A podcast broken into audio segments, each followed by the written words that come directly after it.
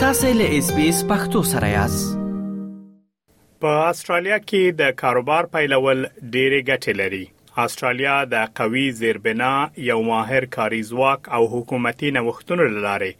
د نوښت او تشبث ملاتړ کوي چې د وړیا مرستې، تمویل او مالیې هڅونې سره د کوچنیو کاروبارونو وده هڅوي.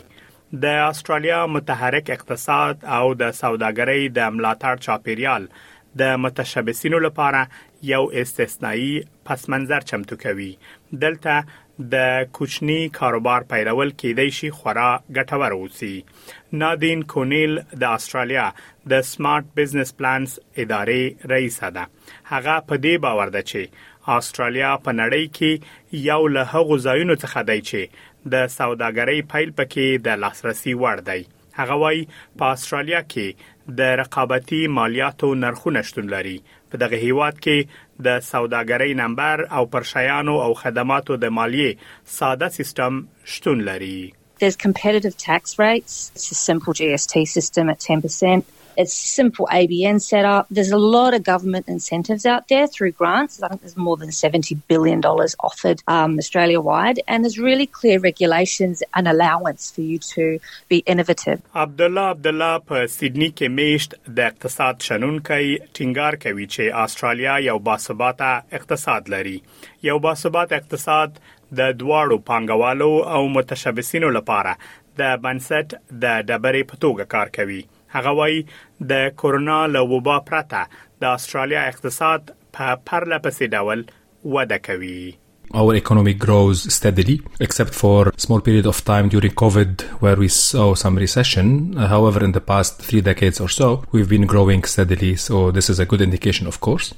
ښاغلی عبدالله زیاتوي چې استرالیا د کاروبارونو د مالکینو لپاره هم یو ښه قانوني چوکاټ برابروي هغه وایي دلته د شرکتونو پانګوالو او متشبثینو لپاره ښه محافظت شتون لري There is good protection for companies for investors for entrepreneurs around let's say uh,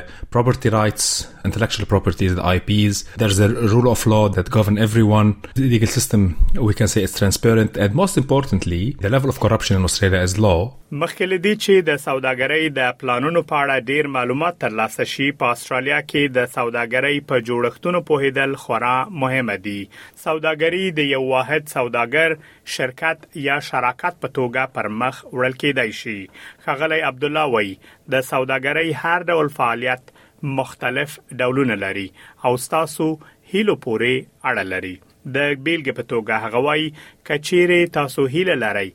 یو سیمه ییز کوچنی کاروبار چې په سیمه ییزه کچه ځینې کوچني خدمتونه ترسره کوي ولرئ او د هغې د ودې لپاره کوم پلان نه لرئ نو شاید د یو واحد سوداګر یا شراکت په اړه ممکن If my aspirations is to be like local small business doing some small services regionally let's say or um, in my suburbs I don't have a plan to grow it then maybe I would consider having a sole trader or a partnership but if my aspiration is to grow the company as a brand itself to create a value in this brand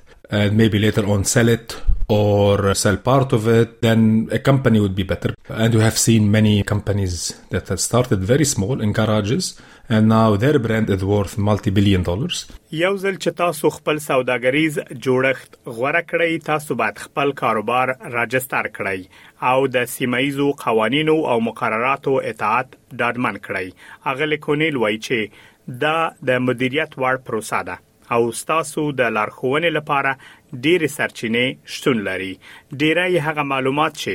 د یو واحد سوداګر په توګه راجستر کولو او د اسټرالیا سوداګرۍ شمېرې یا ABN ترلاسه کولو لپاره اړین دي، تاسو کولای شئ هغه د حکومت پر ویبپاڼه پیدا کړی هغه وایی تاسو کولای شئ دغه کار ډیر ژر تر سره کړئ مګر که چیرې تاسو غواړئ یو کمپنۍ جوړه کړئ نو په هغه حالت کې ل خپل اکاونټنټ سره خبرې وکړئ ترڅو له تاسو سره د شرکت د نمبر په ترلاسه کولو کې مرسته وکړي خغل عبد الله وای د شرکت شمیره به راجستر شوی شرکت لپاره